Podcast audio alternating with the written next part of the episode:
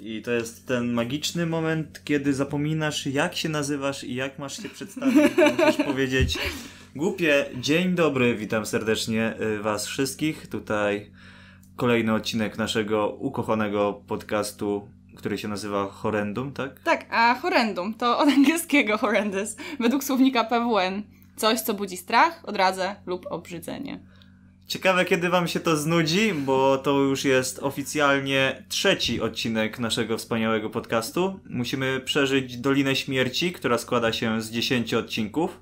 Już prawie dochodzimy do połowy, więc w następnym tygodniu, jak się spotkamy, to będzie czwarty i piąty, więc jest połowa naszej drogi.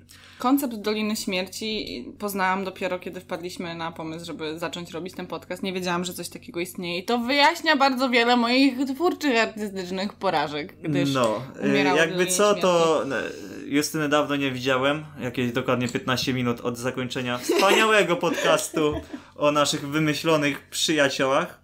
Mam nadzieję, że Wam się spodobał. Y, Jak Wam się nie spodobał, to nam się bardzo podobał. A przynajmniej mi się podobał temat. Mi też się bardzo podobał, chociaż bardzo mnie przestraszył. No i w ramach wstępu chciałem się zapytać wcześniej, czyli tydzień temu, Justyny, e, co Ciebie przerażającego spotkało, jak nas nie było przez dwa tygodnie? Po, ogólnie od i- i 0-1. Byłam, byłam w górach i Miałem- nocowałam w schronisku w górach. I na ścianach wisiały sztuczne głowy zwierząt. I Spędziłam dobre 5 minut biegając od jednej głowy do drugiej i mieziając ich futerka, ponieważ bardzo mi się podobały. Po czym pani kelnerka powiedziała mi, że to są prawdziwe wypchane głowy zwierząt. I co zrobiłaś? Mało się nie popłakałam.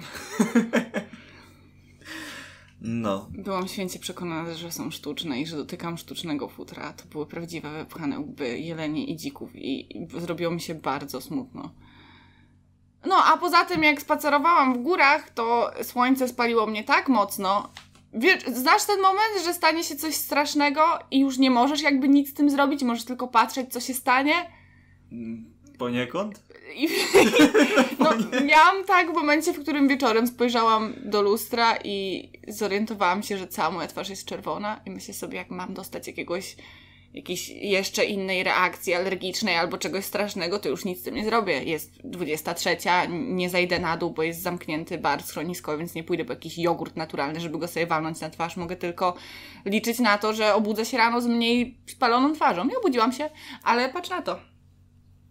Widzisz? Nie mamy kamer, no. Odbiły mi się okulary. Tak, no. Po raz pierwszy w życiu zdarzyło mi się coś takiego.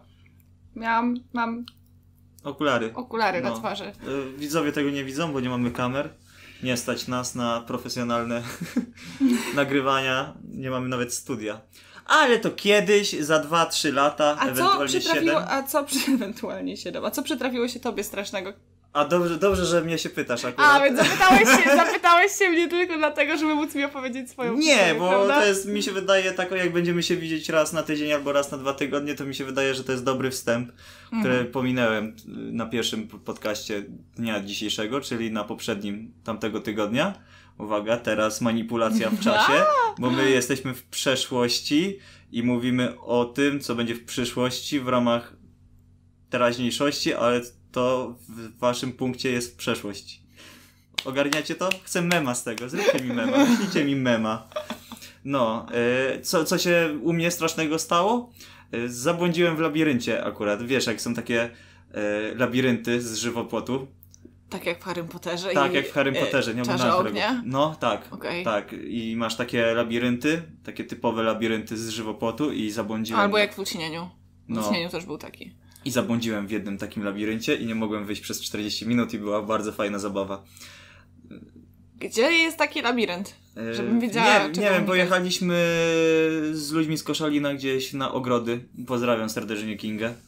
I na początku, e, na początku weszliśmy do labiryntu i była tylko. Ja chciałem się strasznie zgubić. Naprawdę, chciałem się bardzo, bardzo strasznie Brzmi zgubić. jak coś twoim Plus e, ogólnie e, musieliśmy się przebrać w różne z, z rzeczy, żeby wejść za darmo. Hashtag cebula.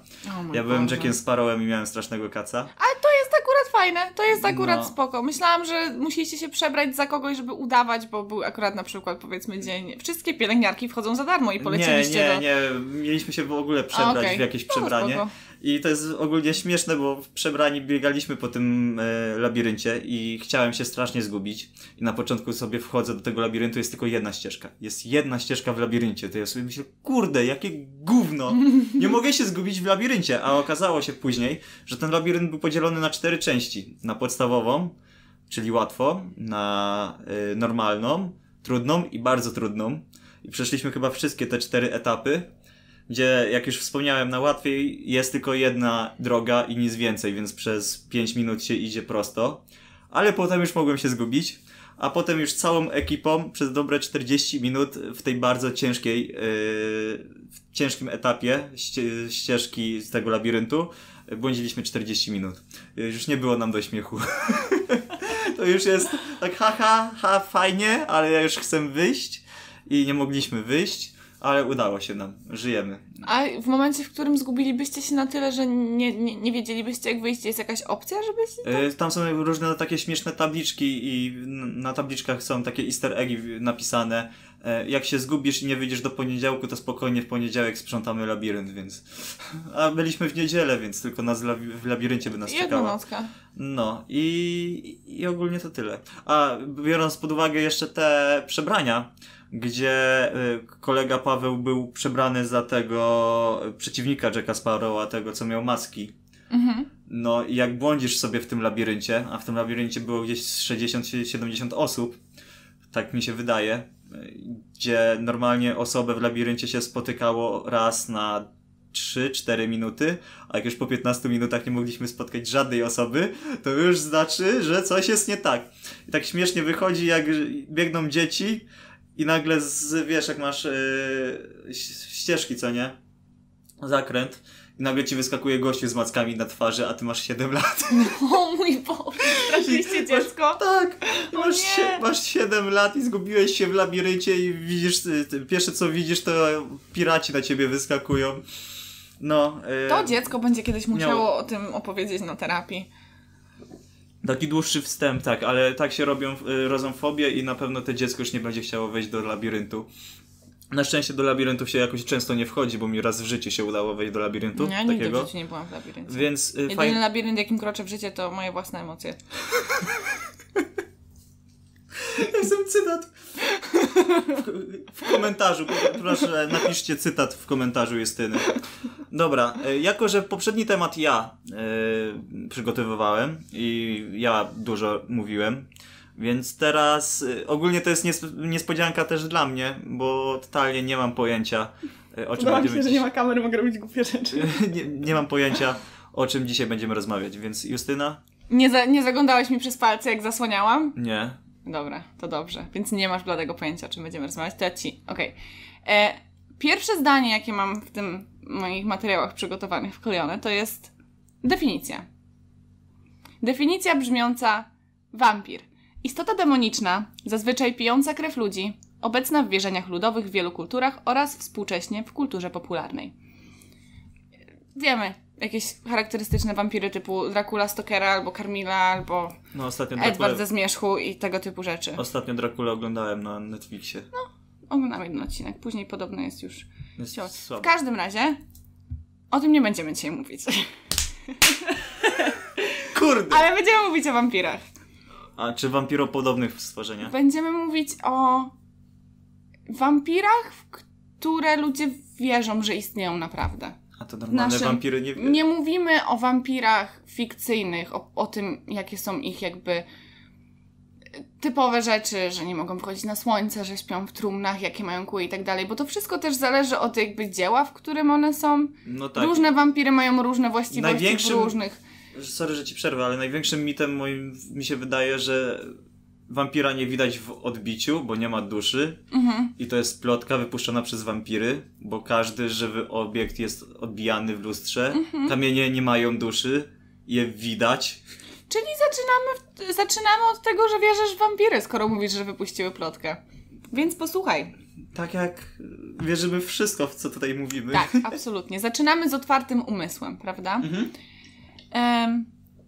Generalnie trochę jakby muszę zahaczyć o legendy, które niewiele mają wspólnego, mówię o takich bardziej naszych jakby wierzeniach. Takich, Śląskich. takich, takich polskich bardziej, takich słowiańskich. Słowiańskich. Śląskich. Ślą- Czemu ja Czemu powiedziałem śląski? Nie wiem. Widziałeś, jak na ciebie spojrzałam. Jak to powiedziałeś? Śląskie wampiry. O czym on mówi? Jo, panie, trzeba więcej węgla, jo?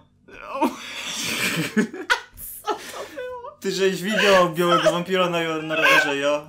Nie wiem. Co to za Śląski. Popsułem Justynę. Nie, nie znasz śląskiego akcentu? Ja ze Ślązakami ten. Znam i to nie Jest śląski akcent. chyba Nie. nie. Tostu, to, to Tostu mi powie, że to jest śląski akcent. Okej, to stu powie ci wszystko, co chcesz usłyszeć. Okej, w każdym razie.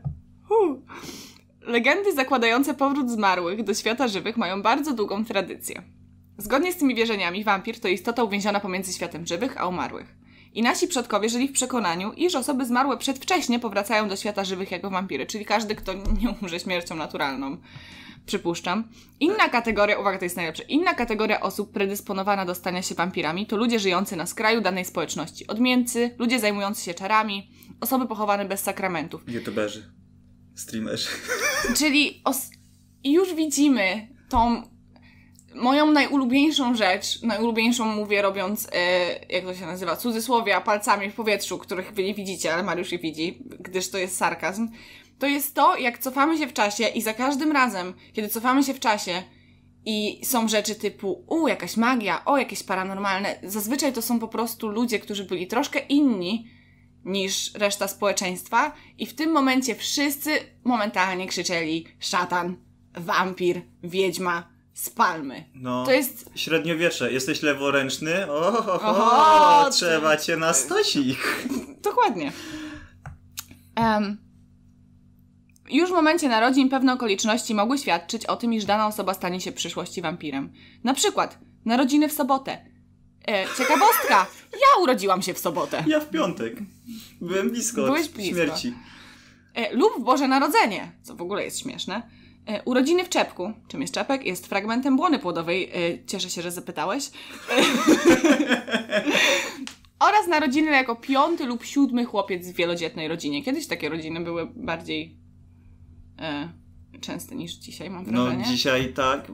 Może dlatego, że twoim jedynym zmartwieniem było wyżywienie rodziny, a miałeś pole i potrzebowałeś ludzi do pracy, więc robiłeś sobie ludzi do pracy. A potem miałeś więcej ludzi do wyżywienia i było, a dlaczego to zrobiłem?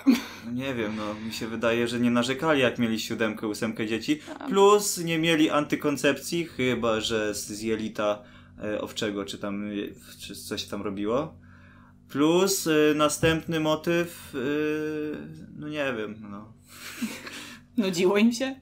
Też, tak, nie mieli kablówki, internetu i książek. A jak mieli książki, to nie umieli czytać. Ciśniesz bardzo po tych ludziach z przeszłości. Ze średniowiecza, nie, mówię jak jest, To no. prawda. Um, Okej. Y, Współcześnie koncepcja wampira pojawia się również często w publikacjach psychologicznych i ezoterycznych, rozwijających koncepcję wampiryzmu emocjonalnego, psychicznego albo energetycznego. Mianem wampira określa się często seryjnych morderców oraz osoby, które spożywają symboliczną dawkę krwi od dobrowolnych dawców.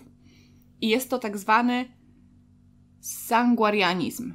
Symboliczna dawka krwi. Mhm. Y, ogólnie pierwszy temat, jaki miałem przygotowany, to o tych, o strasznych chorobach. Mhm. I tam też było coś takiego. O, jest taka choroba Jest jak wampiryzm. No, no. E, z tym, że y, zastanawiałam się, czy o tym tu wspomnieć, czy nie. Dobrze, że mówisz, ponieważ nie wklejałam tego jakby do, nie, nie kopiowałam tego, nie robiłam żadnych odnośników do tego, ale miałam zamiar o tym tak szybko wspomnieć. Jest choroba, która nazywa się wampiryzm. Nie ma nic wspólnego z piciem krwi. E, z tego, co Z pamiętam... uczuleniem na światło chyba jest. tak? Jest, można mieć uczulenie na światło, jest, są bardzo jak gwałtowne reakcje skórne na światło, skóra ciemnieje, o, gałki oczne są przekrwione. Jest też, dużo było wspomnień o, o, o biegunce i o, o jakichś wydzielinach i... przerąbane generalnie. To była taka bardzo depresyjna, smutna. I, a, były jakieś tam ataki agresji na przykład i coś w tym stylu, ale przypuszczam, że jakbyś miał opiekunkę 24 na 7 i cię miały ci gałki oczne I byś I nie mógł wychodzić. wszystkie gdzie... wydzieliny z twojego ciała miałyby kolor czerwony, to można byłoby mieć trochę jakichś tam problemów emocjonalnych pod tym względem. Więc, no. Ale o tym nie będziemy mówić. To nie ma nic wspólnego z tym wampiryzmem, o którym chcę dzisiaj mówić. Więc weszłam na stronę, na której em, powiedzmy osoba pisząca ten artykuł pisała ten, e, ten, ten post, to był taki jakby post na blogu. Em, Poczekaj, że ci teraz zadam głupie pytanie, ale włączyliśmy nagrywanie. tak. Nie stresuj mnie, ziom.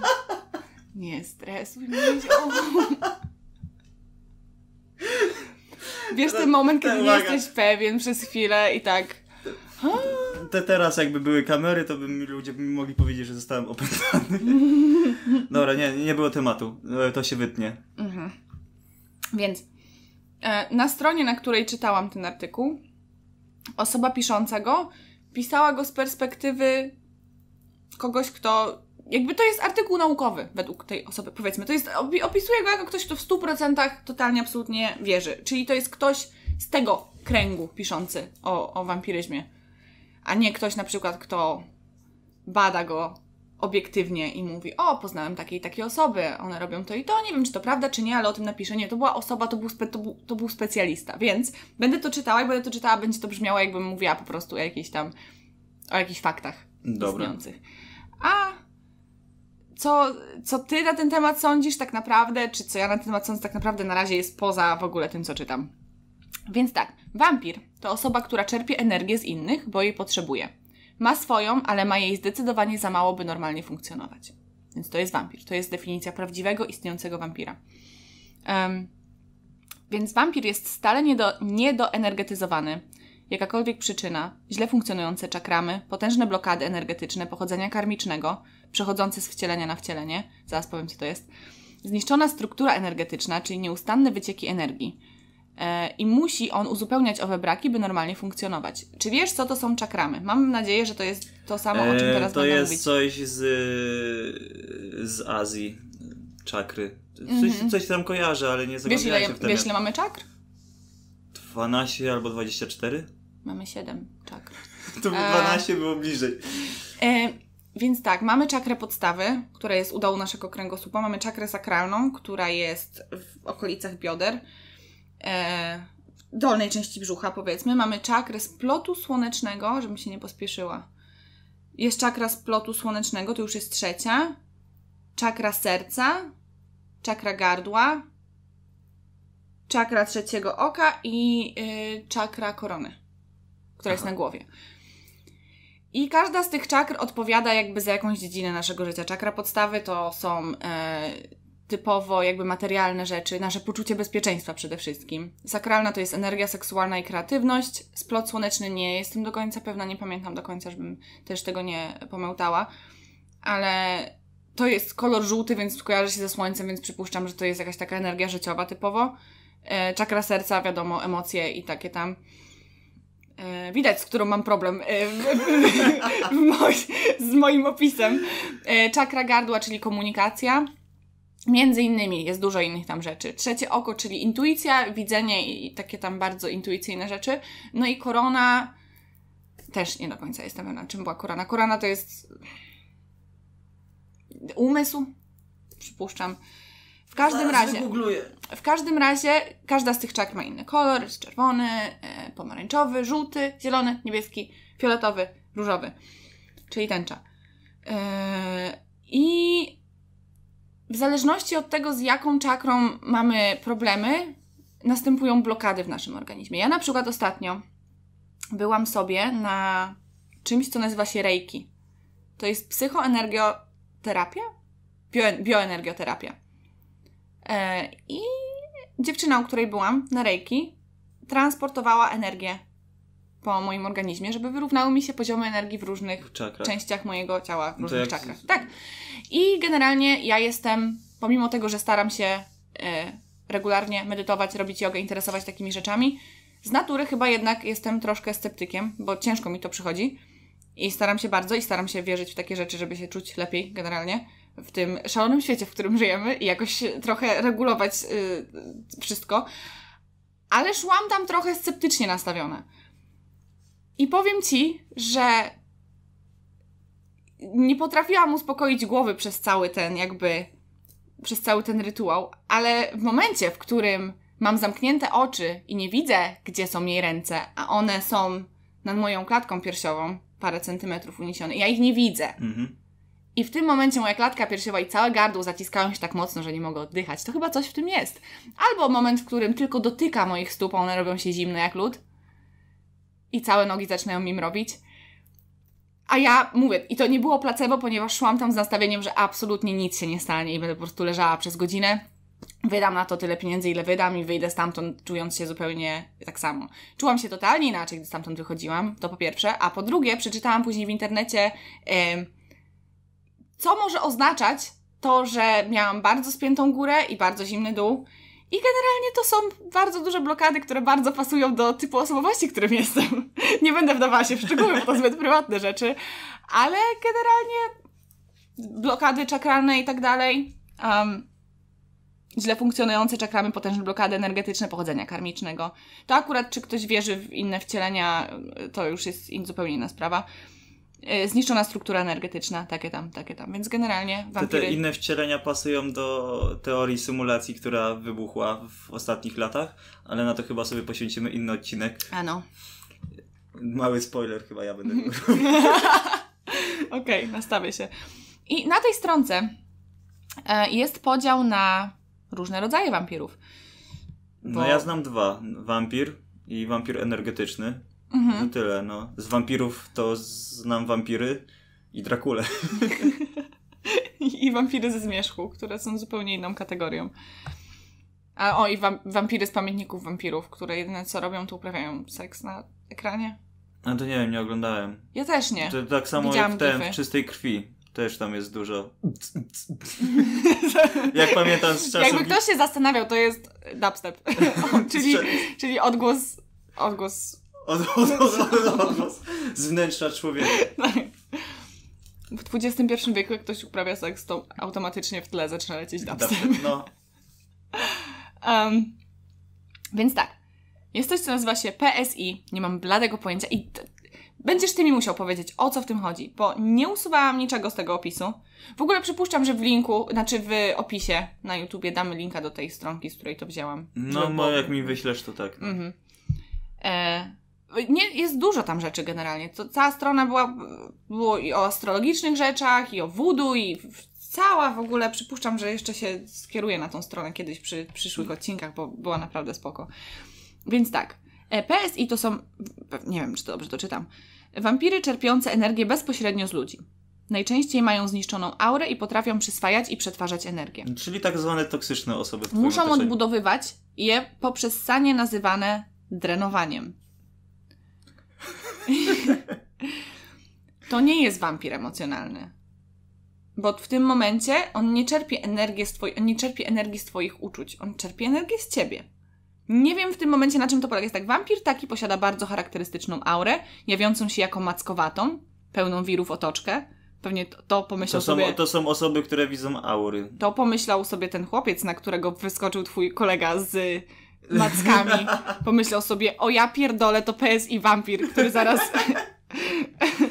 który zaraz pobierze moją energię metodą zwaną drenowaniem. Możliwe, że tak było, no. E, na poziomie fizycznym zaś najwyraźniejszą cechą, choć nie zawsze występującą, są głębokie, hipnotyzujące oczy. Hmm. I tyle. Więc czym jest to drenowanie? Nie wiem, ale nie ma nic wspólnego z piciem krwi. No z wysysaniem energii życiowej, tak? Życiowej, ale nie emocjonalnej, więc no. przy, po, przypuszczam, że to jest po prostu sanie nazywane, odbudować ją przez sanie nazywane drenowaniem. To jest stricte wysysanie twojej energii życiowej poprzez jakąś wizualizację. Też mi się tak wydaje. No, przez wizualizację to nie jestem pewny. Oni mają tam jakieś swoje mroczne taktyki, tak? No, nie muszą wi- wizualizować sobie, że wysysają twoją energię życiową. Po prostu podchodzą i wysysają twoją energię życiową, bo jest jebanym wampirem. Nie będę Widzę, że dużo, widzę, że, widzę, że dużo wiesz o wampirach. Okej, mamy też san, sanguarianów. Muszę to przeczytać bardzo dobrze, żebyś potem nie okazało, że przez cały czas czytałam źle tą nazwę. Sanguarian. Tak, sanguarianów. Czyli ci pijący krew. I te wampiry najczęściej mają mocne zachwianie na poziomie wszystkich ciał aurycznych, przez co jednym naprawdę wydajnym sposobem pozyskiwania energii jest dla nich picie krwi, która zawiera energię już przetworzoną. Jako, że picie krwi odbywa się najczęściej świadomie, co mnie, to zdanie mnie w ogóle bawi. Jako, że picie krwi odbywa się najczęściej świadomie, czy to jest, czy to znaczy, że czasami odbywa się też nieświadomie? No, Jak można nieświadomie wypić czyjąś krew, No Mariusz? nie wiem, Powiedz mi. załóżmy, że krew to alkohol. Czy pijesz czasem alkohol nieświadomie? Nie. No, to mi się wydaje, że krwi też nieświadomie możesz nie pić. Nie było wyjaśnione, na czym polega nieświadome picie krwi. Myślisz, że to... Czy to chodzi Myślisz, o że osobę, chodzi która... o to... Powiedzmy, ugryzę się w język na przykład i automatycznie przełykam ślinę i piję swoją krew. Czy to się liczy? To jest moja krew. Moja krew jest tak samo aurycznie zjebana jak ja. Przez sen? Lunatykują? nie, może są jakieś... Wampiry w komentarzach dajcie znać, No jak można chciałem to powiedzieć. Chociaż skąd one mogą wiedzieć, jak robią to nieświadomie? Też nie wiedzą, jak to robią. To jest zagwozdka. Jakby wiedziały, to nie byłoby nieświadome. Oj, się nie dowiemy, czy wampiry nieświadomie piją krew, czy... No to sugeruję, że tak. Więc jednostka wie o swojej odmienności w każdym razie. Że wie, że jest wampirem. Tak, wiesz, że niektórzy nie wiedzą, do tego dojdziemy. I jestem w stanie w to uwierzyć. Po spożyciu krwi kopniak energetyczny w połączeniu z adrenaliną i różnymi hormonami, dopamina od ekstazy, serotonina od niewielkiego znieczulenia, sprawia, że sang czuje się... Sang, taki wiesz, taki skrót. Wampir. Taki skrót do sang, sanguarian. No. Sang. Wampiryczny slang. Czuje się o wiele lepszy od zwykłego człowieka. Stąd też bardzo często spotykaną cechą sanguarianów jest przerost ego. Chyba spotkałam paru sanguarianów w moim życiu. Mam wrażenie, że sama niegdyś jednym byłam. Choć może piłam krew nieświadomie przez całe swoje życie, stare. Teraz chyba przestałam, bo czuję się już normalnie. E, Sanguarianie posiadają bardzo wielką wolę i siłę psychiczną. Składa się na to już samo choćby picie krwi. Dla wielu ludzi jest to obrzydliwe i nie odważyliby się nawet, gdyby mieli cierpieć niedostatek energii. Kolejną kwestią jest szukanie dawców, przekonywanie ich oraz sam moment pobierania krwi. Czyli ta, ta, ta hipnoza, co wampiry mają, ta? Nie, dosłownie znajdujesz kogoś, kto jest, e, kto, kto No są jakieś- twojej krwi. Co? A, chyba widziałem jednego wampira. Co, co się właśnie stało? Odblokowałaś wspomnienie. Chyba Mam widziałem... wrażenie, że odblokowałam coś innego. Nie, to... Potrzebujesz 5 Chy, minut? chy, chyba widziałem wampira, a nawet całe gniazdo. Się Okej, taka kontynuuj. e, w, w tym roku, Mhm. w lutym, byłem na fanfeście i poszedłem na imprezę do klubu. Do klubu. poszedłem na imprezę. Tak. Przypnijmy teraz cięcie. No i na tej imprezie sobie tańczyłem, jak w każdym klubie. Czyli tylko, ale ten klub był połączony tego. Ten klub miał 6 albo 7 sal. Każda sala miała inną tematykę. Był, była domówka, czyli sala wzorowana na opuszczony taki wielki dom, gdzie o dziwo było jedzenie na stołach. I ja myślałem, że to jedzenie jest plastikowe dla wyglądu, a to było normalne jedzenie, gdzie babka przynosiła. To już było zdziwienie. Ale nie o tym mówię.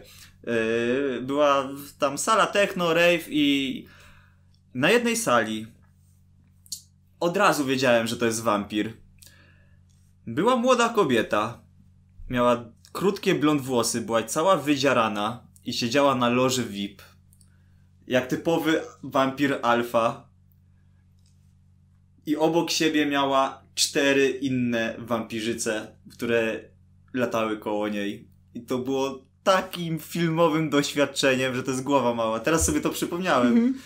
Wiesz, jak masz y, na filmach, yy, siedzi gościu w, loży VIP alfa i wokół niego są kobiety. Mhm. No, to tam była wampirzyca i miała trzy albo cztery młode wampiry, które były zapatrzone w nią w totalnie. I była cała, cała wytatuowana. Tak. Opisujesz stary teraz moją fantazję na przyszłość, kontynuuj. Chcesz zo- zostać tam? Wampirzycą alfą? tak. No i y, to widziałem, no. I... Wampirzycą niekoniecznie, podoba mi się opis tych dziewczyn, które dookoła niej No biegają. i to tak wyglądało typowo jakbyś oglądała, nie wiem, serial o wampirach i masz głównego bohatera, który wchodzi do klubu, gdzie wszyscy tańczą i musi się spotkać z, z jakimś tam szefem i okazuje się, że Aha. to jest ten yy, wampir szef, albo wampirzyca szefowa, no. E, tyle miałem do powiedzenia, no, od, odnośnie wampirów. Ale naprawdę, no. I wtedy... Tak, widziałam, że to było dosyć intensywne. Wtedy, wtedy, nie, wtedy czujesz tą aurę i jak siedzisz w tematach para tego, paranormalnych i, i, i może nie jesteś sceptyczna nastawiona na takie rzeczy i sobie tak patrzysz w klubie, patrzysz sobie na te osoby, nie, oni są na pewno wampirami. Idziesz pić dalej. No Wiem, o co to, chodzi. To, to tyle, no, odnośnie Może, aury. może, bo wyczuwanie aury to też jest duża sprawa. Niektórzy ludzie potrafią wyczuwać aurę lepiej niż inni. No ja nie potrafię, ale wyczułem wtedy bardzo mocno. To ktoś musiał mieć silną aurę, albo No, może na ty pewno jesteś ta- lepszy w wyczuwaniu aury niż myślisz. Na pewno ta alfa wampirzyca, która tam siedziała. No. Teraz przechodzimy... Widziałaś samą moją reakcję, jak sobie przypomniałem o tym. Widziałam. Jakby wciąż była tu z nami w pokoju. E, Jakby siedziała za tobą.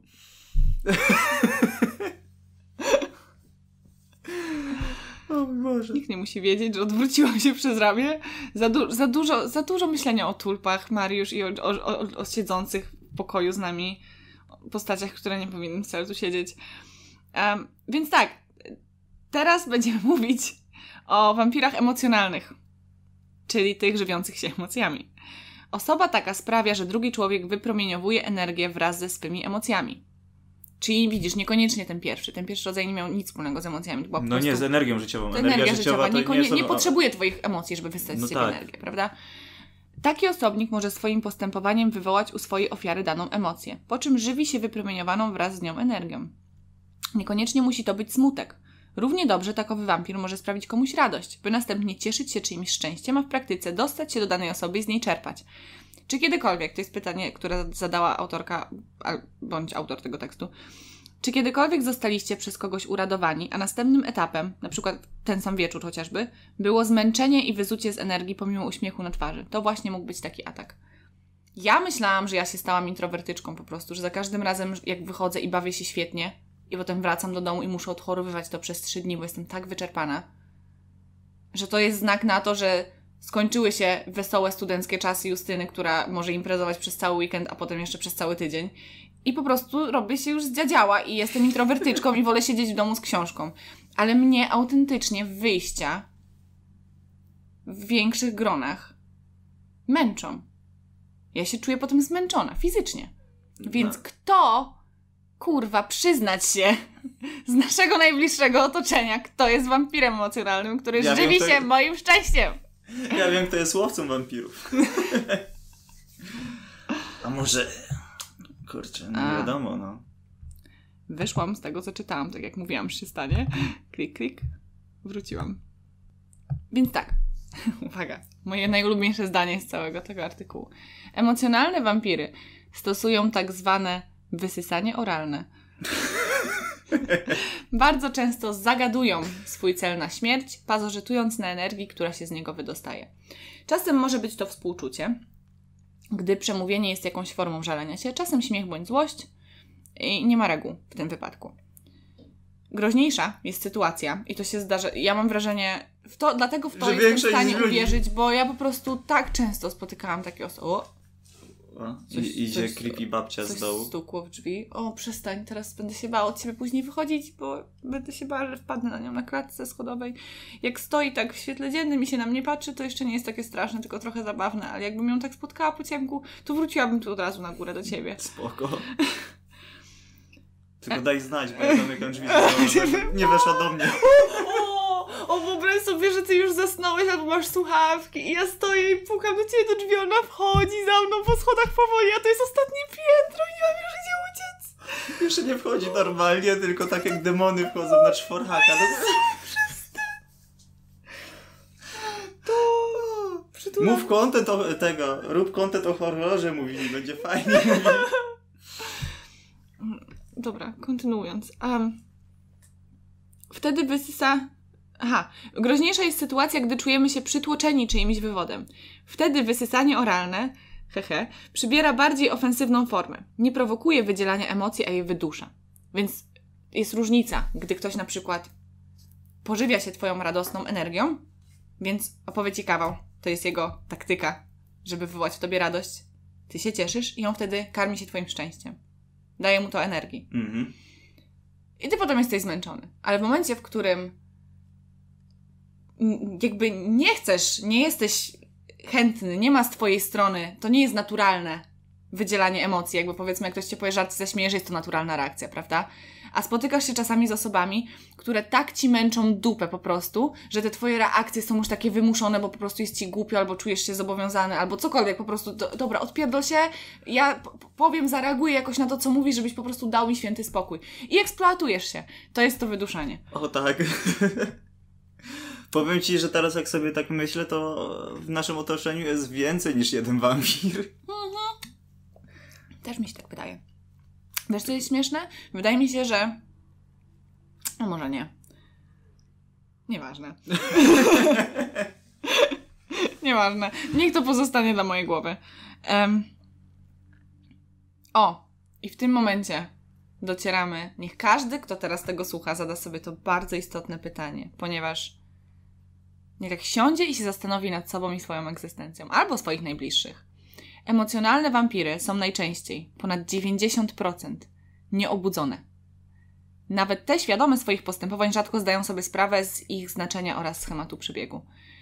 Czyli nawet świadome emocjonalne wampiry nie do końca wiedzą, jak to funkcjonuje, bardzo często, a 90% nie ma bladego pojęcia, że jest wampirami emocjonalnymi. Co by wiele, wiele, wiele wyjaśniało. Bo bardzo dużo osób, e, które znam, które poznałam i czasami po rozmowach, z którymi czułam się wyczerpana, to nie są źli ludzie, to nie są złe, obrzydliwe, okropne, toksyczne osoby 24 na 7.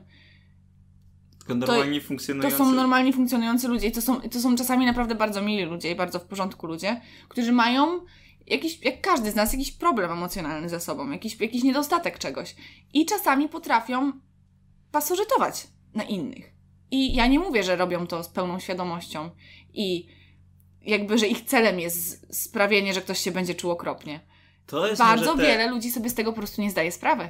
To jest może te nieświadome picie krwi, jak nieświadome wysysanie energii życiowej. Ja... Jedno, jedno jest astralne, bytowe, a drugie jest płynne i czerwone. No. Okej. No,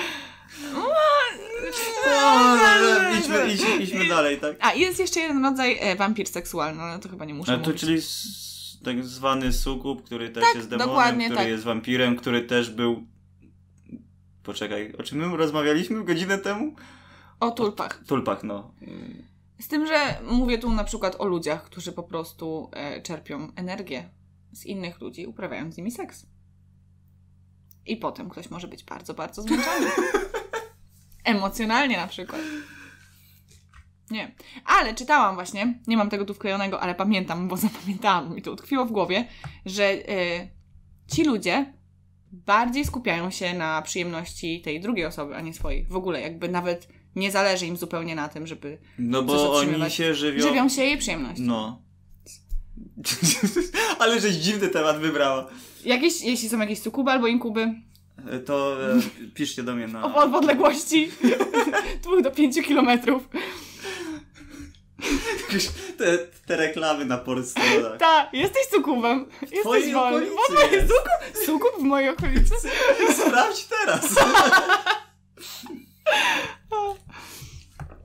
Tyle z tej stronki. Em, mam do powiedzenia jeszcze o trzech rzeczach. Generalnie. E, teraz mówiłam o tych tam społecznościach wampirów. Są społeczności wampirze w No tak, Polsce no, generalnie. no tak. Fora no. i tak dalej, bo przeglądałam sobie. No jak są fora dla tulpiarzy, to są fora, Fora dla dla, wszystkich innych takich społeczności. No, To jest, to jest totalny, absolutny styl życia. No, mamy internet, no. No. Y, Czytałam o babce, która wypija około dwóch litrów krwi ludzkiej miesięcznie na przykład. Mm, smacznie. Widziałam jej zdjęcie, wyglądała trochę jak z rodzinki Adamsów. Ma męża, ma syna. Mm. Syn wyglądał jak kukiełka. Było trochę straszne. Sen, może jest tym. y, jak się nazywają osoby, które ten kierują kukiełkami? Yy, kurczę, Kukiełkarze? kukiełkarze. y, nieważne, nieważne, teraz sobie nie przypomnę. No. E, w każdym razie ona tą krew pozyskiwała, jeśli dobrze pamiętam, miała jakiś swój rytualny nóż, miała jakiś swój. Hmm, jakąś. Nie chcę nazywać tego sektą, bo ona tego tak nie nazwała, ani ten artykuł tego tak nie nazwał, ale generalnie to była jakaś grupa ludzi, która wpadała do niej na chatę i zgadzała się na to, żeby podczas rytuału ona cięła im trochę szyjki i piła z nich krew.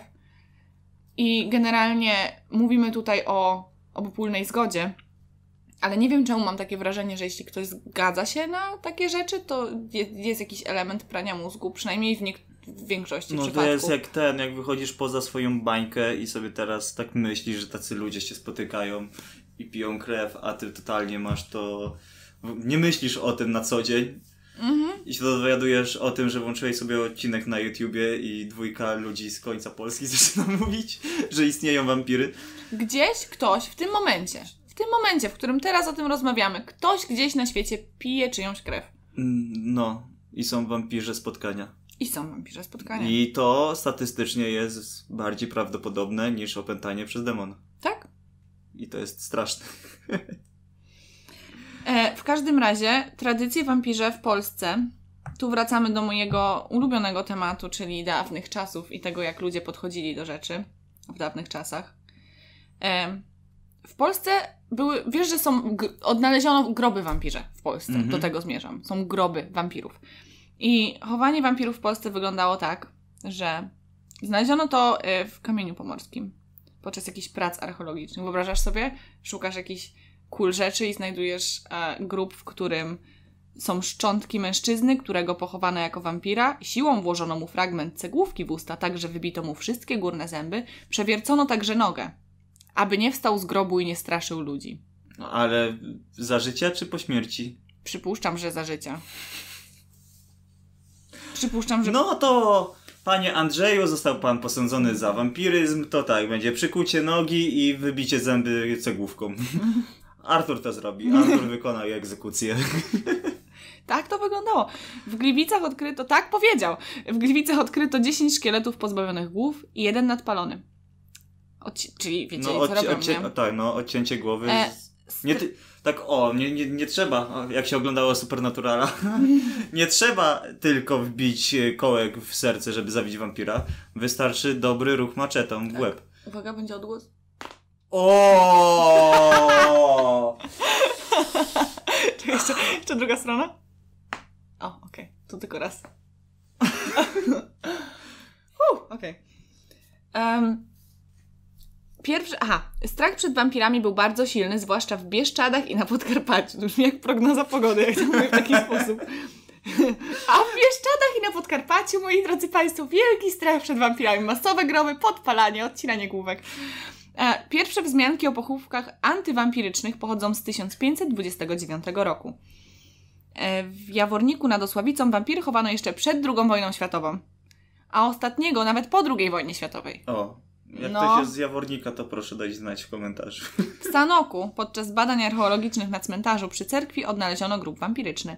Wykopanemu szkieletowi brakowało kości strzałkowych, skokowych oraz kości jednej ręki. Wiesz, żeby, nie, żeby nie wylazł. A to nie musi być wampir, to mógł być inny potwór. Gule na przykład, wilkołaki. Ale nie, wiadomo, że to był wampir, ponieważ głowa znajdowała się między nogami. Oni Aha. zawsze odcinali O im tym nie głowy, wspomniałaś. odcinali im głowy, bo, bo nie przeczytałam następnego zdania.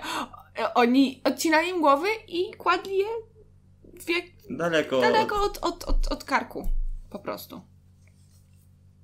No. A, ten człowiek, którego znaleziono w Stanoku. I to jest właśnie. Postaram się nie frustrować, ok? Ale to jest właśnie to, o czym mówiłam a propos tego, jak.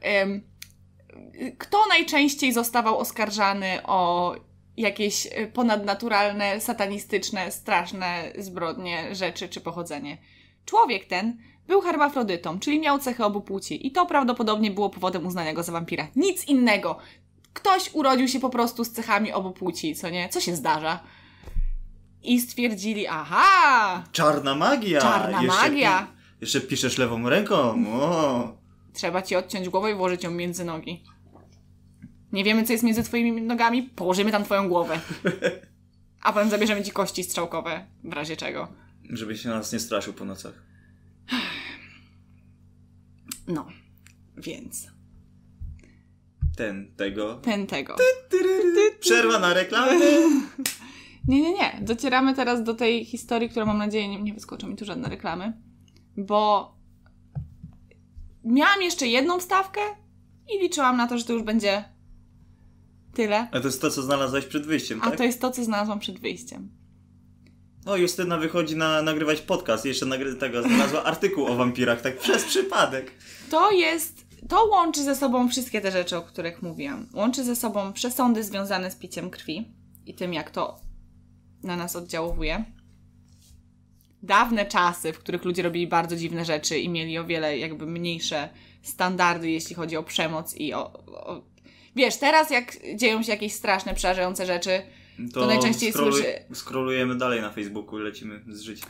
Tak, ale chodzi mi o to, że na przykład e, gdyby kto, któryś z naszych rządzących władców jakoś tak na forum publicznym odciął komuś głowę, to raczej wiesz, raczej nie, nie, nie, społeczeństwo nie byłoby z tego zachwycone, chyba że zwolennicy Trumpa. Przypuszczam, że oni bardzo by się ucieszyli i jeszcze dostałby więcej od nich propsów.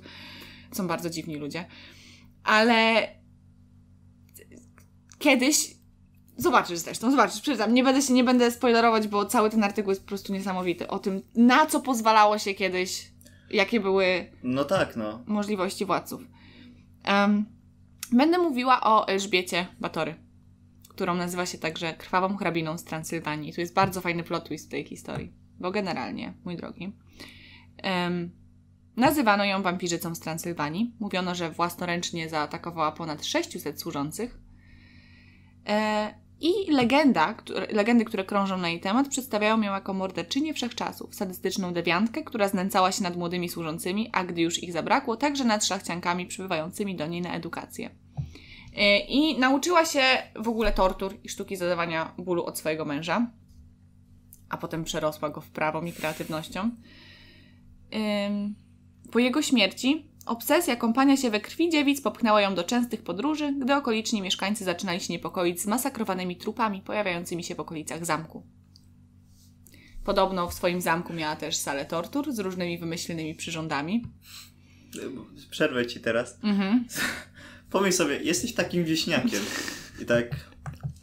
Artur? Dlaczego Artur? Co tam robi Artur? Ja nie wiem, randomowe imiona. Artur? Byłeś dzisiaj na grzybach? No jasne. Zauważyłeś, że jest więcej zwłok pod bramami niż ostatnio? No tak, o siedem. W sumie nie umiem liczyć. No, jest za dużo. Jak to mówią jej polskie przysłowie, jest dużo w chuj. No, to takie czasy, no. Tak, takie czasy. Idziesz pod grzybek, muchomorek, Zwłoki. zwłoki dziewicy. Idziemy dalej. O, o, Adrian. Dlatego nie wrócił z imprezy. Fa- Fajne czasy były, no.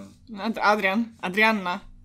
Co ty? Faceci do tego krew dziewic, stary. Szlachcianki, dziewice. I tam jeszcze mówiłaś, że e, jak e, kończyła się służba, to ona atakowała uczennice, które przyjeżdżały do niej na, na naukę, tak? Tak. No to Madzia, ojcie, Twoje imię. oj, ojciec cię kocha, ale tam jedziesz 450 km na naukę.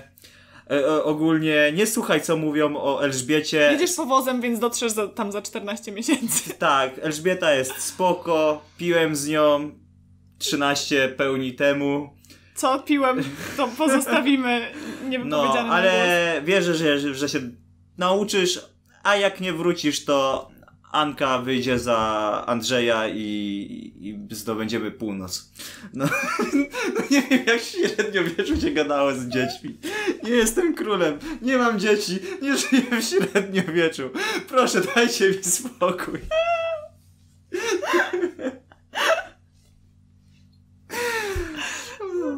Pierwsze co, to przypuszczam, że nikt w średniowieczu miał na imię Anka. Czemu nie? W sumie czemu nie? Myślisz, że były takie zdrobnienia? Anka? No. Adrian, przypuszczam, że Adrianów na pewno nie było. Adrianów nie, Adrian no, Andrzeje pewnie tak. Andrzej to jest takie... Nie wiem, teraz co ja mam ci wyciągnąć yy, listę najbardziej popularnych? Mieszko, Malbory, to nie są te fajki? Lucky Strike, Camel. Kamel. Król LD.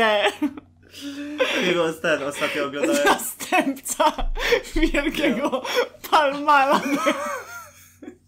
drewnianego. Nie, ostatnio oglądałem Straszny Film 4 i tam była ta scena z tym opętanym dzieckiem z tego, z, z klątwy, co nie? No. I on gada po japońsku. Toyota? Hyundai? yy, nie znam innych japońskich aut. Ramen? Yy... No, wiesz, wiesz, Naruto? wiesz o co spaliłem żarcik. Bro? Hibachi Benihana Teriyaki. Nagasaki, Okinawa, Hokkaido, Yokohama. Karate Judo Sumo Samurai. Nissan, Honda, Mitsubishi, Subaru. Harikari Tsunami. Kamikaze Banzai. Yamaha, Nikon, Casio, Aiwa. Minolta, Hitachi, Seiko, Toshiba, Buddha! Shiitake Kimono! Tempura, Sushi, Sashimi. Wszystko w porządku, Mariusz, zaśmiałam Uwaga, się. śre... średniowieczne... Męskie czy żeńskie imiona? A, imiona po prostu, po prostu Imiona. Płeć jest Imiona, słowia... imiona słowiańskie, uwaga. Eee... Rodzaje imion słowiańskich. Bolesław. Mhm. To wszystko. Dobra, nie. Sławomir, Mirosław, Radomił, Miłorad, Radomił i Miłorad? Miłorad, Kurwa. Gniewomir i. Mirogniew. Czyli, czyli, czyli oni robili te imiona, gdy już stracili pomysły na imiona, to Y, ogólnie miało, przecinali mia, miało się zaczynać na Mir, kończyć na Sław. I tak wyszło Mirosław. Ale, ale te, te imiona, które są tak odwrócone, jakby przecięte na pół i po prostu jest zamieniona. To jest mistrzostwo. Imiona wyrażająca, e, wyrażające e, życzenie sławy. Sław, Sław i Mir, czyli Sławomir, albo Mirosław. Radosław albo Sławorad. E, Imiona związane z kultem bóstw. Bóg, Bóg, czym, się, czym się różni Bóg od Buka? Trzeb, ofiara, jest Bogdan, Bogward i Trzebiota. Bogward? Jak bodyguard. Trzebiemir, dobra, nie było Adriana, ale... Sie- Siemowit, y, Miłodzir, Cieciedar, Bratłumir. Jak ktoś to ogląda i dziecko w drodze, bo się spodziewa, to nie ma za co. Tak, imiona określające stosunek ich nosicieli do innych ludzi. Przykładowo, Gościdar i Albo ra- gości w pierdol. Radogost. Radogost. I imiona ochronne, o, o. Okej. Nierad, Niemir, Tomisław, Nęcimir, Morzysław, Biezdar, Przeźmir, Męcirmir, Męćmir, Męćmir. To, Męćmir to jest taki, o, taka osoba... Męcimirze, Męćmir, ile ciał dziewic znalazłeś dzisiaj pod pałacem? Męćmir to jest taki głupi chłop, który przy, przychodzi i zawraca ci dupę i już nie chcesz go słuchać i Męćmir i tam męczyć innych Męcimir, nie. bogosławów i drogosławów i poczekaj, bo ja mam tutaj e, Ciech e, Udało się. Ciech Wojciech Jak wygląda profesjonalny podcast? Zaczynają rozmawiać o wampirach i śmieją się z imienia Wojciech. E, Ciech Wojciech. O, no, dobra, no może już A ten, kobiece jakieś tam były? e, Y, Jar. Ale to nie, bardziej pirackie. Poczekaj. Nie no, kazałaś pisać imiona. Oczywiście, że kobiety w tamtych czasach nie miały imion. To no. prawda, była kobieta jeden, kobieta dwa. Kobieta jeden, tak. No nie ma, sam, jeden, same męskie dwa. imiona. Zaraz... e, Stos jeden, stos dwa. Uwaga! Imiona od nazwy części ciała. Broda. Jeszcze spoko. Broda idzie z nami, wychodzi broda 2 na 2 z toporem. Broda, się zna. broda, broda załatwi wszystkie sprawy. Zawołaj swojego brata Pempika. Wychodzi. Pempik. Broda, musisz brać swojego brata. No mama kazała, no. Chłopaki, pójdziemy poszukać zwłok dziewic w lesie. Ej, pójdziemy zachorować na jakąś plagę. Zachorować na jakąś... O, o mój Boże. Nauczycie się strzelać z łuku. No fajne mieli. Fajne, fajne mieli te imiona. A słyszeliście, że królowa jest wampirzycą? Ja pierdolę pępik, o czym ty mówisz? Pempik, nie czytaj tych książek, bo ci robią papkę z mózgu. Zachowuj się jak swój starszy brat Broda. Idź do lasu, tnij drzewa. A dobra, żebyśmy da damskiej części naszej społeczności nie, nie zostawili, e, to żeńskie imiona e, to tak samo jak męskie, jak jest Bogusława, to jest Bogusław. E, Bogówłości, jest Bogówłość, Bolemira, e, Bożena, o to jest. Dobra. E, Dobra, może już nie jest tak nie, już tutaj jednak się śmieje, tylko cicho. E, Ja płaczę. imiona żeńskie, dawaj, e, literę, to ja ci coś wylosuję. M. M? Mm. Milena To ładne imię. Mirogniewa. I wracamy. A jest też Gniewomira? Gniewomira? Na Na pewno 100%. też. Jest Mir- Mirogniewa, modli Boga, Ciekawe, ciekawe skąd to się wzięło. staropolskie imię żeńskie, złożone z członów modli, modlić się, prosić i Boga, Bóg. Dziękuję, Mariusz. Nie domyśliłabym się, gdybyś nie. Czyli modli Boga to była zapewne zakonnica, bo się modliła. Wszyscy Do się modlili, Boga. wszyscy modlili się w tamtych czasach. Aha, to masz rację, no mój żart nie wyszedł. Na F. Falisława jest tylko. Co to było? Skrobanie po ścianach. To jest, wiesz, to, Kto skrobie po ścianę? Co to jest? Co to jest? to jest ten moment, kiedy sąsiadka z domu zaczyna posłuchać. O, Mariusz, nie. O mój Boże. Nie jesteśmy tak głośno, po prostu wymawiamy randomowo średniowieczne imiona i po chwili słyszymy, jak sąsiadka z domu biega po suficie. Ale to jest ona? To są odgłosy jej? Ona drapie? Mariusz. Zostań... Szkoda, że nie mamy kamer, bo nasza rela...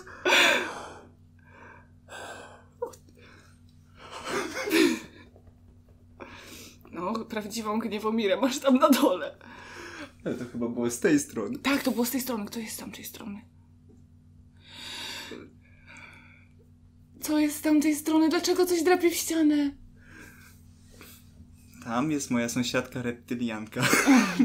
Masz sąsiadkę reptiliankę? Tak, ale to jest temat na in, inny Okej. podcast. Okej, kontynuując, kontynuując. Ale może jakąś złość wywołaliśmy randomowymi nazwami słowiańskich imion. Może, albo... To nie jest to, że...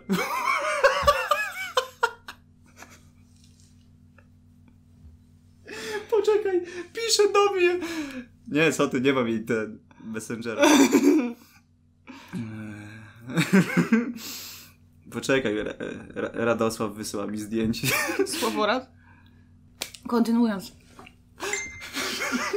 Ten dźwięk, bo ja się zesram ze strachu. Już poczekaj. O Boże, ciarki mam takie... Nie będziemy tego wy, wy, wy, wycinać. Ciarki mam takie stare...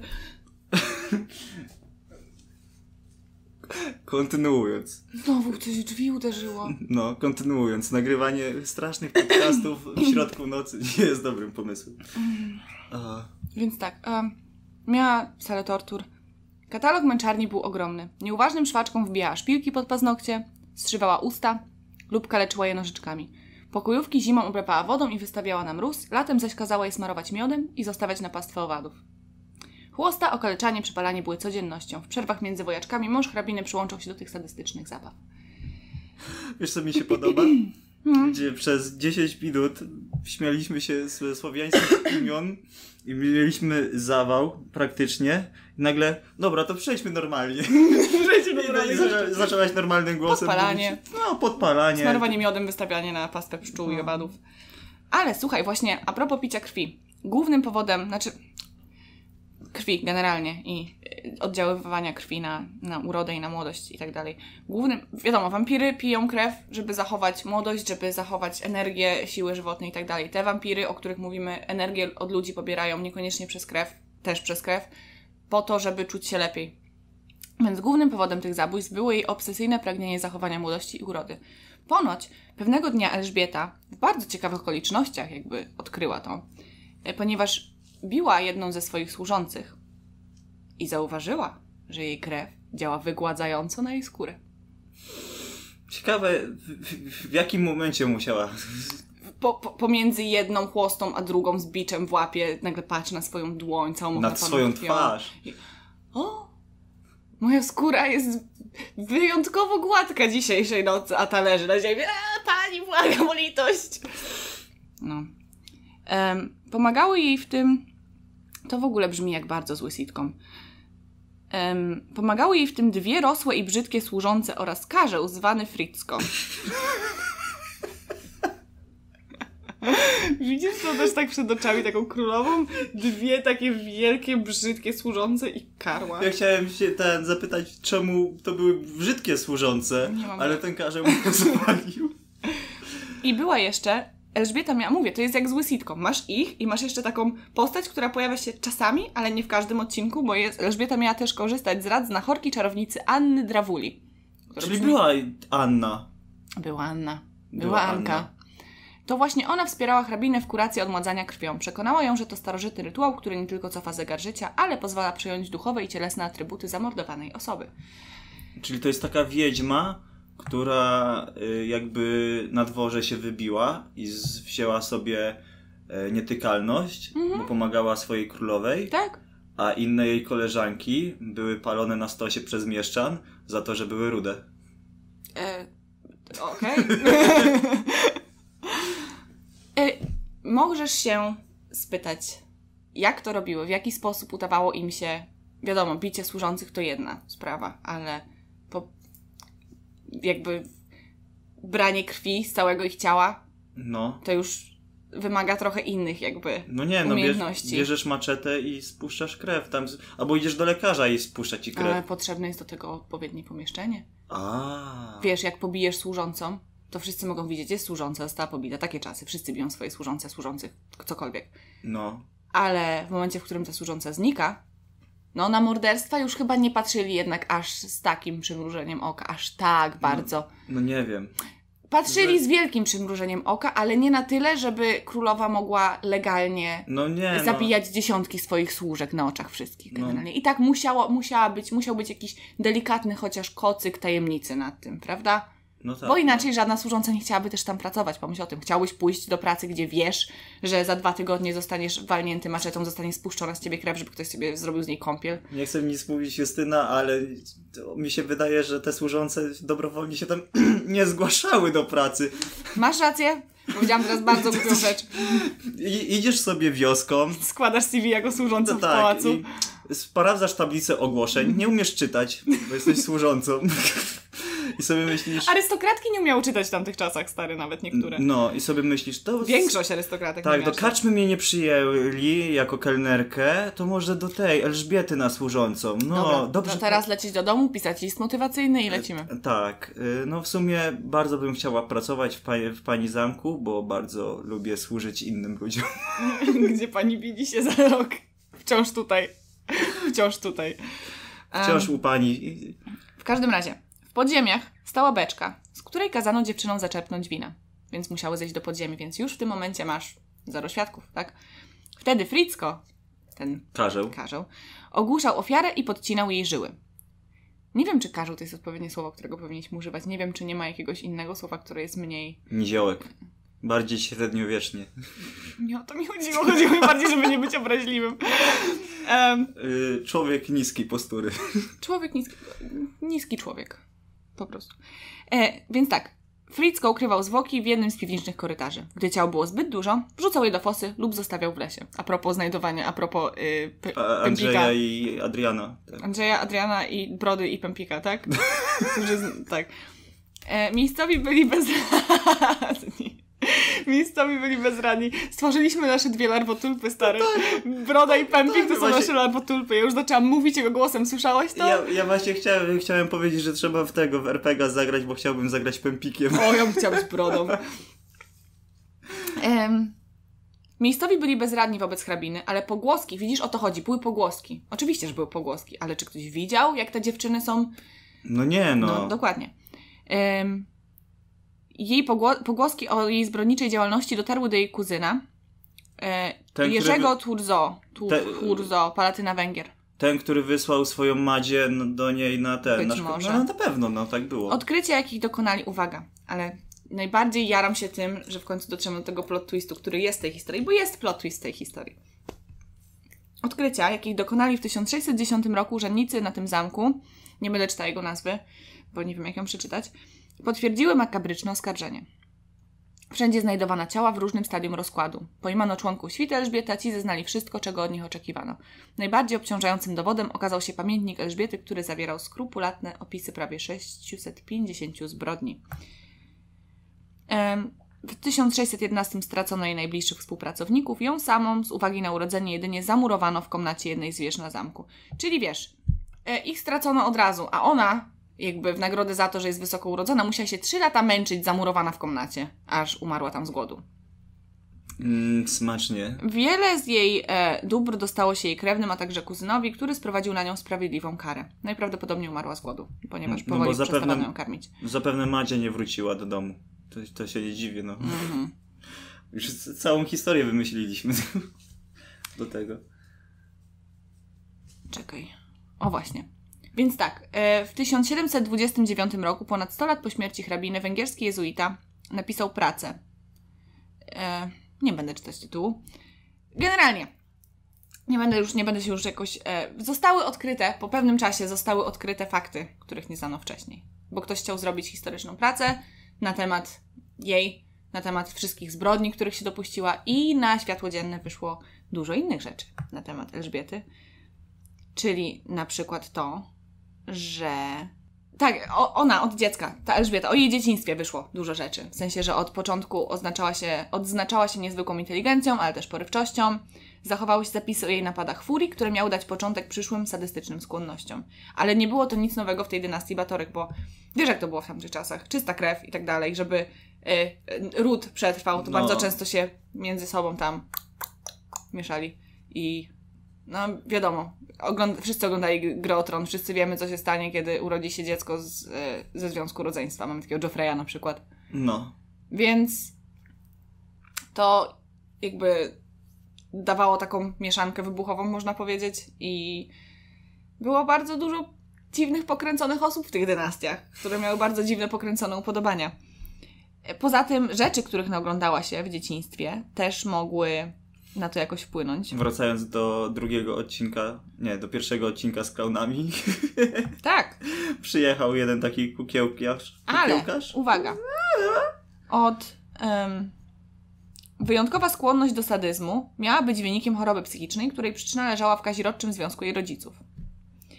Historycy obalają jednak tę hipotezę, em, ponieważ od wspólnych przodków dzieliło ich 7 pokoleń i ponad 200 lat, w sensie jej rodziców. Byli ze sobą spokrewnieni, ale od tych wspólnych przodków dzieliło ich aż 7 pokoleń, więc to było spokrewnienie, ale to nie był brat z siostrą, tylko to była taka piąta woda po kisielu generalnie.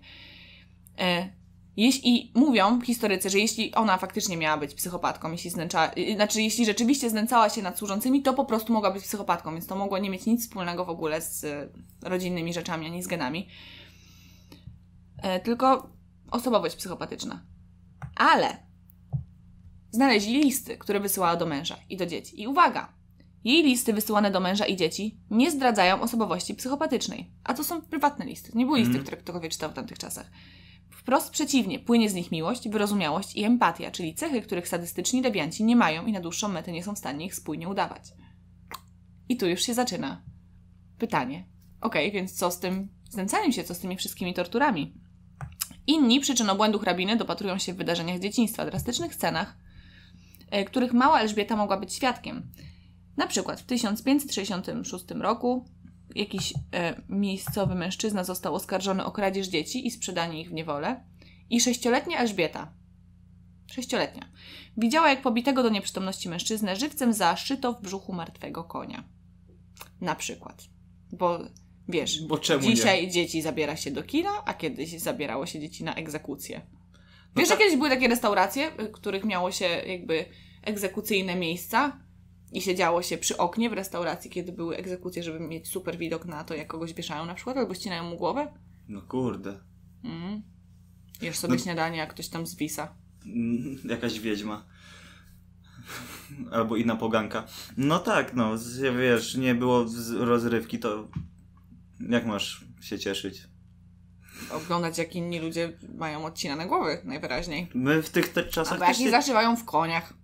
My Był tych... taki odcinek Hannibala nawet chyba. No, my w tych czasach też się cieszymy, jak ktoś umiera, ale na ekranie i to aktorzy są i to jest wszystko... I w ten sposób jakby zaspokajamy tą potrzebę ekscytacji i rozrywki. Nie wszyscy, ale większość. I dlatego mam wrażenie, że nasze społeczeństwo funkcjonuje lepiej niż kiedyś, bo wszystkie nasze jakieś mroczne Fantazje. skłonności i fantazje są spełniane stuprocentowo przez fikcję.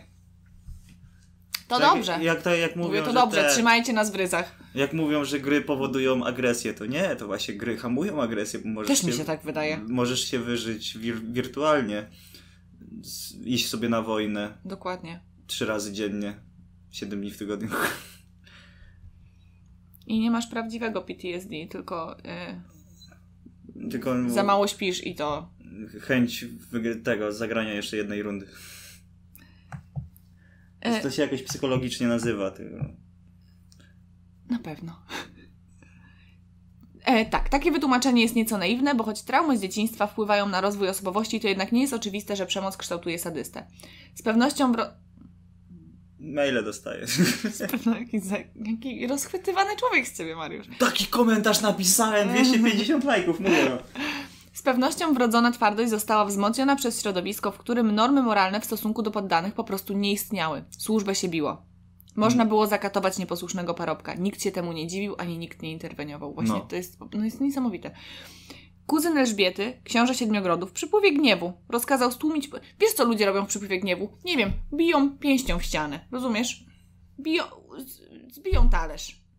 Albo, Popchną kogoś, albo stracą okej. swojego tego parobka. Nie. E, w przypływie gniewu rozkazał stłumić próbę powstania okolicznych chłopów. 54 osobom w ramach kary obcięto uszy i nosy.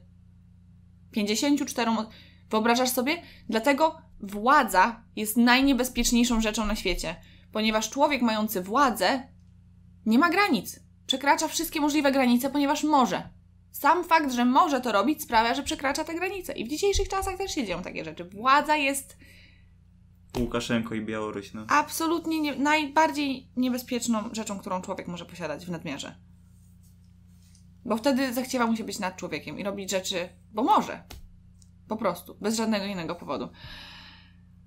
E, tak, więc w taki sposób 13-letnia wtedy Elżbieta dowiadywała się, że aby skutecznie rządzić, należy być twardym i odrzucić wszelkie skrupuły. I z całą pewnością była wybitnie inteligentna, ponieważ w XVI wieku, tak jak już mówiliśmy wcześniej, większość arystokratek była niepiśmienna, a ona nie tylko biegle czytała i pisała, ale również z łatwością nauczyła się języka niemieckiego i łaciny. E, Jak się później okazało, posiadała też wiele talentów, które ostatecznie przyniosły jej zgubę. Doskonale zarządzała majątkiem, strategicznie prowadziła wojny, była w tej sztuce bieglejsza niż wielu współczesnych jej mężczyzn. A na dodatek wy- wyróżniała się niezwykłą urodą, więc w ogóle była, no, pomijając fakt tych tortur, o których zaraz będziemy wspominać, była idealna.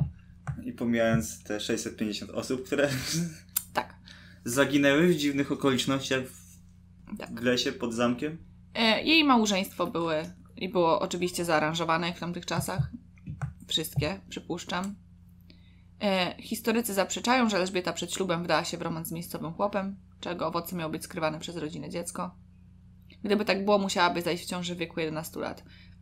W tamtych czasach nie zdziwiłabym się. Ale poza tym rodzina nie pozwoliłaby na jakiekolwiek zapiski na ten temat, więc tego nie musimy wstawiać.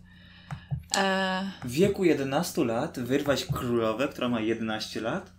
nie była wtedy chyba jeszcze królowa. A nie, bo facet mógł być starszy. Facet w wieku 30 lat wyrwać królową, która ma 11 lat? Nie wchodźmy na te tereny, nie wchodźmy na te Chcesz tereny. zobaczyć małe kotki? Wiem, na... wiem, że to są, wiem, że to są, wiem, że to są dawne czasy, ale to jest obrzydliwe, po prostu obrzydliwe. Wiem, że było kiedyś inaczej, wiem, że były inne normy społeczne i, i w ogóle, ale w czasie, kiedy jej mąż, y, kiedy jej mąż był zajęty wojnami, y, w jego imieniu hrabina zarządzała majątkiem, rozstrzygała spory i edukowała młode szlachcianki, które trafiały na jej dwór. Według legendy już wtedy znęcała się, to jest, pamiętaj, to jest cały czas to znęcanie się, to wszystko jest legenda wybudowana wokół niej, prawda? Według legendy już wtedy znęcała się i mordowała młode kobiety, a powierzone jej na wychowanie dziewczęta z dobrych domów znikały bez śladu. Rodzice mieli otrzymywać listy, że ich córki zginęły na polowaniu lub rzuciły się z okna z powodu nieszczęśliwej miłości. Gdy, gdyby na zamku dochodziło do jakichkolwiek aktów sadyzmu i tortur lub cokolwiek złego stało się młodym dziewczętom, możne rody szybko przestałyby posyłać córki do hrabiny Batory. Dobrych dworów było wiele, a jednak dziewczęta trafiały do Elżbiety. Więc to już jest takie, okej, jest plotka, że y, jedna na trzy z posłanych do niej dziewcząt Rzuca się z okna. rzuca się z okna albo ginie na polowaniu, nie posyłają do niej dziewcząt. A ludzie jednak posyłali do niej dziewczęta pomimo obecności wielu dworów. Dlaczego? Em, główne zarzuty stawiane krwawej hrabinie dotyczyły służby. Miała mordować dziewczęta z okolicznych wsi, które przychodziły do niej do pracy, bo zobaczyły ogłoszenie i napisały list motywacyjny. W ciągu 35 lat jej ofiarą miało paść nawet 650 kobiet, czyli miesięcznie więcej niż jedna kobieta była katowana, pozbawiana krwi i mordowana. Przeciwnicy tej legendy twierdzą, że w czasach, kiedy epidemie i zarazy dziesiątkowały ludność, brakowało rąk do pracy, więc każdy służący był na wagę złota. Elżbieta była zbyt inteligentna, by pozwalać sobie na takie straty personelu. I... W czasach, kiedy pandemia dziesiątkowała ludzi. 2020 rok. Ty, ty, ty, ty, ty. To pandemia powoduje, że ludzie nie mają pracy, a nie, że pandemia powoduje, że Uwaga. nie ma rąk do pracy. I według legendy o wampirzycy z Transylwanii małżonkowie, ym, którzy oni, ona ze swoim mężem początkowo się we dwójkę pastwili nad tymi służącymi. On miał udzielać jej tych pierwszych lekcji sadyzmu, nauczyła się od niego, potem go przerosła, doprowadziła tą sztukę do perfekcji, a potem go otruła. Ale niedawno historycy z Budapesztu odkryli nowe karty tej opowieści, ponieważ okazuje się, że jej męża, tego Ferenca, kilka tygodni przed śmiercią nacierano rtęcią. Gdyż to były takie czasy, kiedy uważano, że nacieranie rtęcią albo, nie wiem, pojenie trucizną to jest super lek na wszystko. I Spuszczanie krwi. O tym będziemy właśnie mówić, mój drogi. O spuszczaniu krwi będziemy właśnie mówić. Czytałam ostatnio o spuszczaniu krwi. Wiesz, że są miejsca na świecie, w których do dzisiaj się spuszcza krew i jest to uważa- uważane za e, jakiś uzdrawiający sposób na różne choroby. Mm, smacznie. Em, była to kuracja, którą niewielu przeżyło, a miała działać na rany. Zadanie nie tyle przed, przez Turków, ile przez Turczynki, które wzięte do niewoli koiły smutek rozłąki z żoną. Czyli nie dość, że spał z kobietami wziętymi do niewoli, to potem jeszcze o, na, natrzyjcie mnie rtęcią. Muszę się pozbyć. Było mi tak smutno, tak bardzo tęskniłem za moją Elżbietą. Natrzyjcie mnie całego rtęcią. I nie dożył końca trzymiesięcznej kuracji kiły. Tak, bo to dostał, właśnie dostał kiłę. Bo należała mu się kiła. Mm. Tak, nie, nawet, nawet nie będę udawała, że tak nie myślę. E, w ostatnim liście do męża Elżbieta czule wyrażała niepokój o jego pogarszające się zdrowie. I pamiętasz o tym jej kuzynie, o którym ci opowiadałam? No. Więc jego zaangażowanie w jej obalenie miało więcej powodów niż tylko interesy Habsburgów, za którymi on jakby on brał udział w, we wszystkich spiskach organizowanych przez Habsburgów, więc a to, że ona została skazana, że poszły te wszystkie informacje na jej temat, że, że została, że ludzie jej bliscy, którzy mogli jakby stanąć za nią, zostali storturowani do tego stopnia, że przyznali się do wszystkiego, ona została zamknięta, to wszystko było bardzo na rękę wszystkim ludziom związanych z typem, który na nią doniósł, który już trzykrotnie spiskował dla tych ludzi. Generalnie. Także nie wiem. Nic nie, to nie jest, nic nie jest stuprocentowo potwierdzone, ale podejrzane? Podejrzane. Spisek ten był misternym dziełem, bo ten jej kuzyn zdobył wszelkie niezbędne informacje, aby stworzyć alternatywną historię życia hrabiny Batory. Czaisz, więc przypuszczam, że ten pamiętnik nawet, który znaleźli jej, gdzie opisywała 650 zbrodni, to był pamiętnik totalnie stworzony przez zupełnie kogoś innego, kto nie był ją. Ja myślałem, że te listy miłosne, które wysłała do swojego A, nie, męża. nie, nie. E, listy były prawdziwe. E, e, ona była luteranką zresztą, więc w katolickim otoczeniu była traktowana jako heretyczka. I ten cały jej kuzyn nocą 29 grudnia 1610 wtargnął do zamku, aresztował Elżbietę i jej najbliższych poddanych. Opisywany później makabryczny obraz sal tortur i dogorywających kobiet miał w jakiś sposób umocowanie w faktach. Jednak prawda była zupełnie inna niż zostało to przedstawione. Wielką pasją Elżbiety Batory było leczenie i uzdrawianie. Opiekowała się nie tylko chorymi szlachcicami, ale również biedotą. Zatrudniała najlepszych medyków i specjalistów. Na przełomie XVI-XVII wieku takie praktyki budziły przerażenie. Tym bardziej, że wielu ze sposobów leczenia mieszkańcy nigdy wcześniej nie widzieli na oczy. Nie znali też tajników siedmiogrodzkiego zielarstwa, więc łatwo było rzucić oskarżenie o trucicielstwo i uprawianie magii. Czara się przepełniła, gdy Elżbieta sprowadziła z Wiednia chorwacką położną i uz- uzdrowicielkę Annę Drawulię, o której już mówiliśmy. Jej metody przerażały miejscowych jeszcze bardziej. Drawulia upuszczała krew, przypalała poczekaj, rany. Poczekaj, Dragulia? Drawulia. Prawie jak Dracula. Wiem właśnie. Drawulia upuszczała krew, przypalała rany, wycinała guzy czy raki ropni i znamiona, usuwała chore tkanki, stawiała bańki. M- mówię, upuszczanie krwi na maksa niebezpieczne. Do dzisiaj ludzie to robią, więc jakby nie można oskarżać ich o świadome zabijanie kogoś, bo w tamtych czasach to było normalne. Myśleli, że No, że zła może krew. akurat nie w tym kraju, ale generalnie na wielu miejscach na świecie to było totalnie Tak, jak y, opu- tego upuścisz złą krew, to będziesz miał tylko zdrową krew w organizmie, bo ta zła krew wylatuje jako pierwsza. Tak. E, I ten cały jej kuzyn doskonale widział, jak podsycać strach przed hrabiną. Wykorzystywał wszystkie fakty do udowodnienia, że w zamku mieszka szalona kobieta, która przy pomocy czarownicy bezkarnie znęca się nad ludźmi. I nie miało już znaczenia, że doniesienia o licznych zgonach młodych ludzi pokrywały się z od- odnotowanymi epidemiami chorób zakaźnych, dżumy i tyfusu. Czyli te wszystkie ciała? Dżuma, tyfus. Czyli- Nie, Elżbieta. Czyli ona była dobra? Przypuszczam, Przypuszczam, że to po prostu był spisek. I, była, I- była inteligentna kobieta, która dobrze sobie radziła z tym, co robiła, która miała rodzinę, którą kochała. Po czym przyszedł jej kuzyn, który spiskował z jakimiś ludźmi dworu i stwierdził: hej, zróbmy z niej szarlatankę. I zamurowali ją w zamku. Na trzy lata. Ale te legendy, ja ci powiem, że do. Słyszałam tą wersję historii, w której była Elżbieta Batory, która kąpała się w krwi. Ja też słyszałem. Tej wersji nie słyszałam. Nie przyznała się do zarzutów, ale nie pozwolono jej też zeznawać. E, To budzi wiele wątpliwości, ponieważ proces z udziałem osoby szlachetnie urodzonej powinien być przeprowadzony z należytą rzetelnością. Ale Czyli zrobili ją w bambuko, no. zrobili ją bambuko, mój drogi.